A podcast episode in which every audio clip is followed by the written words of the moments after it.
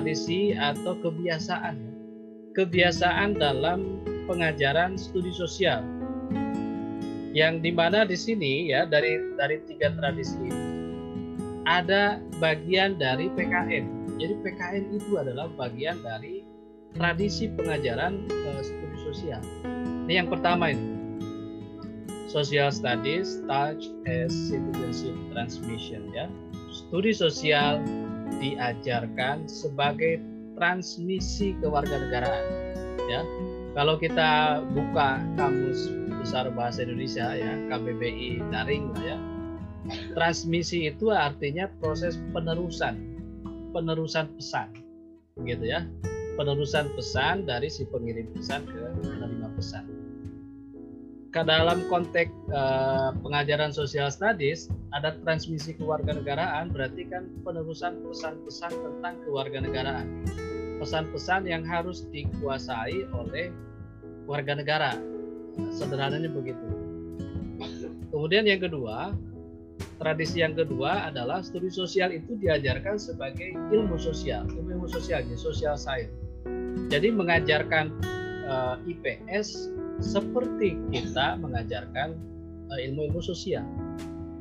Di tingkat sekolah kita juga pernah mengalami dulu di, di SMP atau MTS ada mata pelajaran sejarah ada mata pelajaran ekonomi misalkan ya ada mata pelajaran geografi mata pelajaran eh, apalagi tingkat SMA misalkan antropologi sosiologi. Pada hakikatnya itu adalah bagian dari tradisi pengajaran social studies yang nomor dua yaitu diajarkan sebagai ilmu ilmu sosial Nah, kemudian yang ketiga, social studies touch as reflective inquiry. Studi sosial ini diajarkan sebagai penyelidikan uh, reflektif. Nah, bagaimana ketiga tradisi ini gitu ya, karakteristik dari ketiga tradisi ini? Nah, kita bisa lihat penjelasannya, uraiannya di slide berikutnya. Nah ini ada, ada penjelasannya dalam bahasa Inggris. Nah kemudian saya coba carikan terjemahannya ya. Jadi teman-teman nanti bisa bisa sambil mempelajari bagaimana tiga tradisi ini. Ini social studies dan citizenship transmission, ya transmisi kewarganegaraan diajarkan sebagai ilmu sosial dan diajarkan sebagai uh, penyelidikan uh, reflektif. Ya. Dilihat dari tujuannya transmisi kewarganegaraan itu tujuannya apa sih? Ya. Ternyata ini saya beri uh, tanda berbeda ya, bold. Tujuan dari transmisi kewarganegaraan itu adalah menanamkan nilai-nilai yang benar. Ya. Jadi tujuan tujuan studi sosial itu adalah menanamkan nilai-nilai yang benar.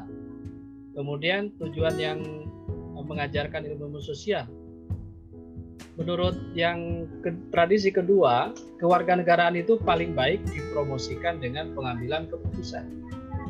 Berdasarkan penguasaan konsep, proses, dan masalah ilmu sosial.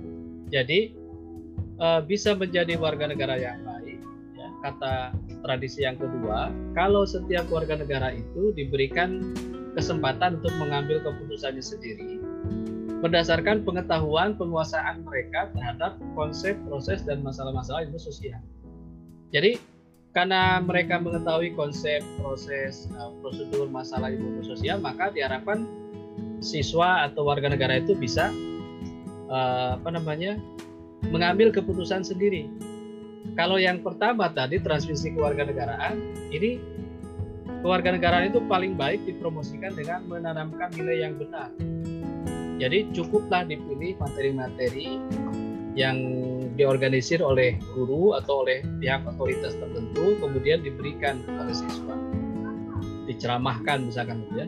Nah teman-teman eh, sudah belajar ilmu kewarganegaraan bagaimana proses dari ilmu kewarganegaraan menjadi pendidikan kewarganegaraan ada protes dari civic menjadi eh, civic education.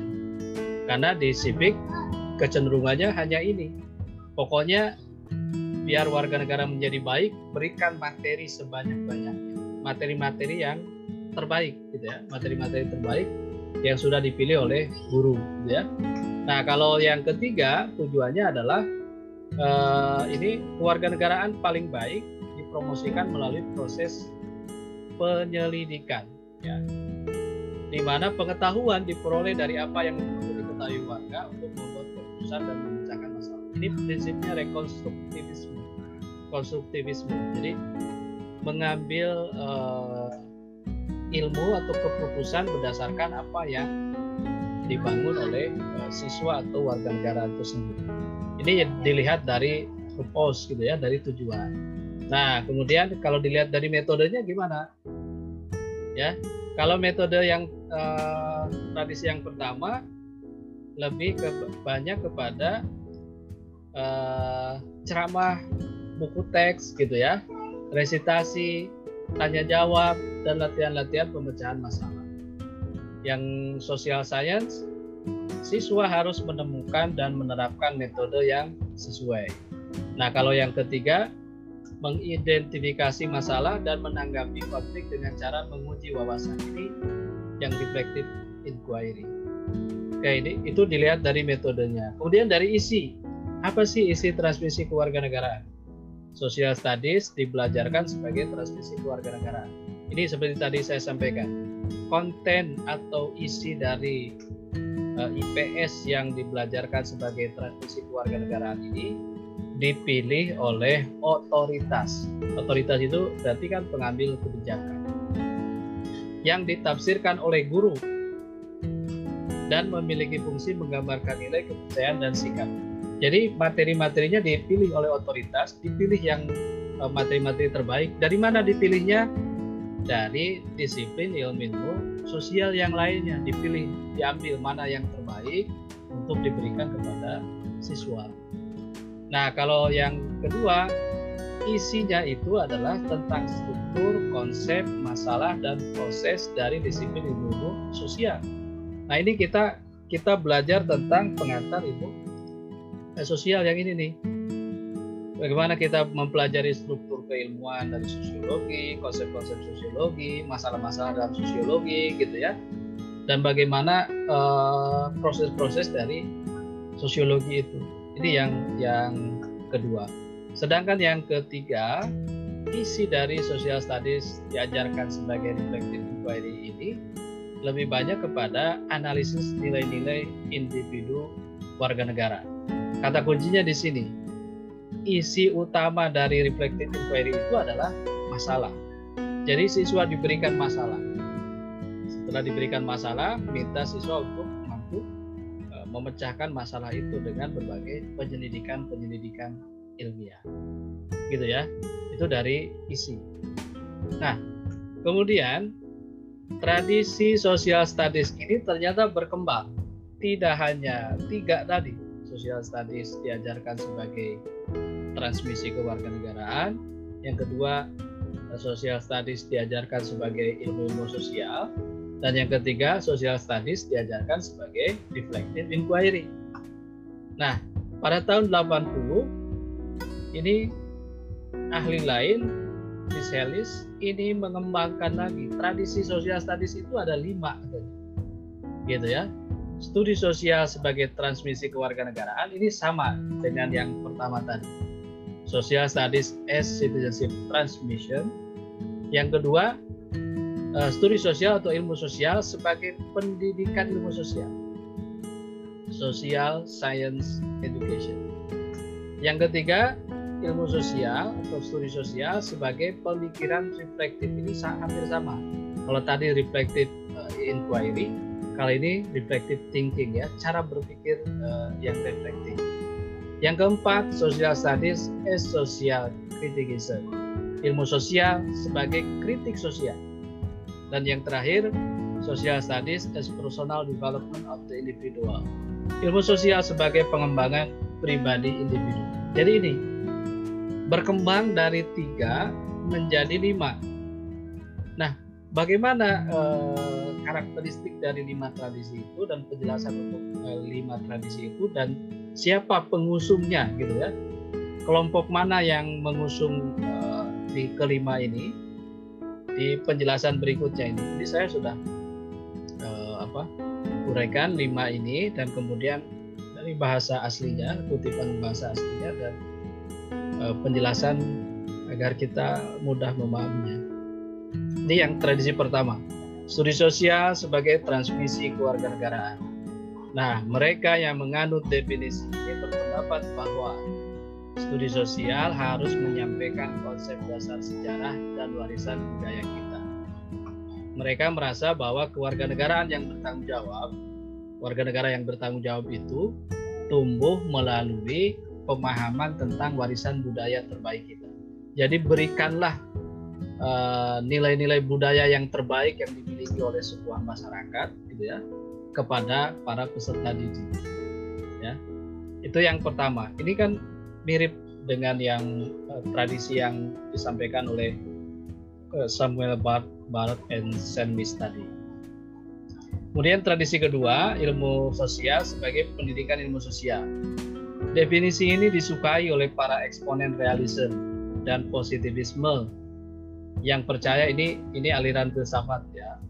Yang percaya bahwa isi dan metode studi sosial harus diambil dari ilmu, ilmu sosial.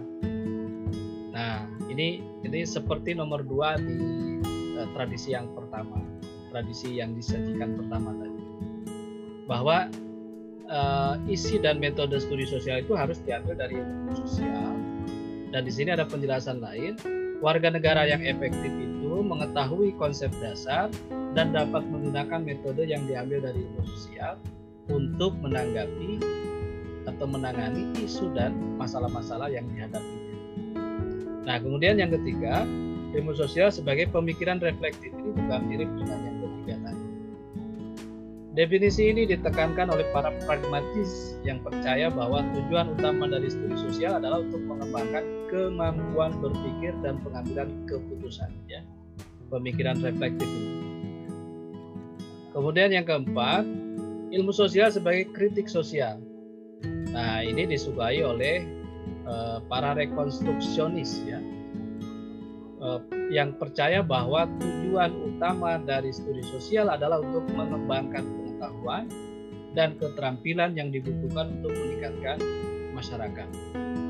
Di sini diberikan penjelasan bahwa warga negara yang bertanggung jawab itu adalah warga negara yang mampu membuat analisis kritis terhadap isu dan masalah terkini dan mengambil tindakan yang sesuai. Jadi menurut eh, tradisi yang keempat, Studi sosial itu dibelajarkan agar warga negara itu mampu uh, menganalisis secara kritis berbagai isu dan masalah-masalah terkini serta mengambil tindakan yang sesuai terhadap uh, isu atau masalah-masalah itu. Gitu ya. Kita belajar nih, belajar pendidikan ilmu sosial itu agar kita memiliki uh, kemampuan berpikir kritis terhadap berbagai isu tidak serta-merta ada isu tertentu langsung kita terima 100% gitu ya. Apalagi isu-isu uh, yang dilontarkan oleh para politisi. Ada nasihat yang menarik ini ya. Uh, ketika kita berhadapan dengan seorang politisi uh, sebesar apa pun misalkan dukungan kita terhadap seorang politisi, maka tetap sediakan ruang ketidakpercayaan. Nah, ini ini menarik ini, pelajaran juga bagi saya Misalnya kemarin ketika kita uh, dihadap-hadapkan pada saat pilpres antara 01 dengan 02, misalkan pendukung 01 kan begitu percaya sekali dengan uh, kepemimpinan Pak Jokowi. Nol, pendukung 02 juga sama percaya sekali dengan uh, Pak Prabowo dengan Pak Sandiaga Salahuddin Uno. Nah, Uh, ternyata sekarang setelah terpilih Pak Prabowo gabung di Pak Jokowi, uh, Pak Sandi juga gabung menjadi tim pemenangannya uh, anaknya Pak Jokowi, mantunya Pak Jokowi gitu ya. Maka pendukung-pendukung Pak Prabowo, Pak Sandi yang dulu toh-tohan mendukung itu memunculkan kekecewaan gitu ya. Dulu ya sedemikian rupa lah uh, membela ketika masa kampanye sekarang timbul kekecewaan. Begitupun juga yang mendukung uh, Pak Jokowi dengan dukungan yang hebat sekarang kan mulai juga muncul yang kecewa gitu ya dengan berbagai kebijakan. Maka ada nasihat yang baik ya. Nasihat yang baik berikan ruang ketidakpercayaan kepada uh, para politisi ya. Jangan sampai percaya 100% ya karena ya seperti itulah gitu ya kondisinya. Seperti itulah kondisinya. Ingat dalam dalam politik kan tidak ada musuh abadi. Tidak ada teman abadi. Yang ada adalah kepentingan ya. Sepanjang kepentingannya sama maka yang tadinya berkonfrontasi ya berlawanan bisa bareng-bareng itu jalan bareng tapi begitu kepentingannya berbeda bisa pecah juga gitu ya. Nah kita harus harus kritis ya harus kritis terhadap isu-isu yang berkembang di masyarakat. Ya termasuklah kalau kita sekarang ada uh, yang belum selesai ini ya isu tentang uh, penetapan RUU Cipta Kerja menjadi undang-undang. Itu kan terus menerus gitu ya. Bahkan mungkin di antara anda ada yang terlibat pada saat uh, aksi ya demonstrasi di Malioboro mungkin ya. Atau pada isu-isu lain yang juga cukup hangat di apa di kehidupan kita kehidupan kebangsaan kita. Oke, kemudian ini yang kelima, tradisi yang kelima yang diajukan oleh Miss Harris tadi adalah ilmu sosial sebagai pengembangan pribadi individu. Nah, ini ditekankan kalau yang nomor 4 ditekankan oleh pendukung rekonstruktivisme, kalau ini oleh uh, progresivisme dan eksistensialisme. Mereka percaya bahwa program tersebut harus berpusat pada siswa ya karena ini pengembangan pribadi dan harus mengembangkan seluruh masyarakat ya masyarakat anak ini artinya eh, kebutuhan anak untuk hidup di masyarakat baik secara emosional, intelektual dan secara fisik. Pemahaman diri dan pengarahan diri sendiri penting kewarganegaraan yang bertanggung jawab. Jadi menjadi warga negara yang bertanggung jawab menurut tradisi yang kelima ini adalah kita harus memiliki uh, pemahaman terhadap diri kita. Makanya diri kita harus di, di apa, dibangun, dikembangkan melalui studi sosial ini. Oke, nah berikutnya teman-teman dari tiga tradisi yang kemudian berkembang menjadi lima tradisi tadi, secara metodologi PKN sebagai suatu bidang keilmuan ya merupakan pengembangan dari tradisi sosial studies yang pertama ini transmisi ke warga negara. Jadi kalau ditanya, ditanya eh, bagaimana kedudukan eh, keilmuan PPKN, maka PPKN itu eh, berada dalam tradisi pengajaran sosial studies yaitu tradisi yang pertama social studies as citizenship transmission jadi yang tadi tujuannya untuk menyampaikan nilai-nilai yang baik kepada eh, siswa atau warga negara. Kontennya dipilih oleh para pengambil kebijakan, ditafsirkan oleh guru, kemudian disampaikan kepada para siswa. Nah, kemudian eh, apa namanya? metodenya gitu ya. Metodenya tadi yang dipilih ada ceramah, ada tanya jawab dan lain sebagainya dan dalam kajian ilmu kewarganegaraan seperti tadi saya sampaikan eh, kita mengetahui bahwa ternyata metode-metode tadi dalam transmisi kewarganegaraan yang kemudian menjadi civic itu mendapatkan uh, pertentangan dari gerakan civic education. Makanya berkembanglah menjadi civic education dan sekarang sudah berkembang pesat menjadi suatu struktur keilmuan yang dikenal sebagai citizenship education. Jadi bukan bukan hanya uh, civic education, tapi juga sudah citizenship education. Nah, teman-teman ada tiga istilah penting yang harus uh, teman-teman uh, kuasai ya. Pertama ada istilah civic ya. Civic dengan ujungnya ada S gitu. Civic artinya adalah ilmu keluarga negaraan. Kemudian ada civic education dari ilmu kewarganegaraan kemudian berubah menjadi civic education ya sebagai gerakan civic education dulu di Amerika Serikat civic education ini lahir karena ketidakpuasan terhadap proses-proses pengajaran di civic. Diberikan materi-materi terbaik dan nanti akan otomatis menjadi warga negara yang baik. Gerakan civic education itu menolak itu karena tidak mendekatkan uh, siswa dengan masalah-masalah yang ada di lingkungan sekitarnya.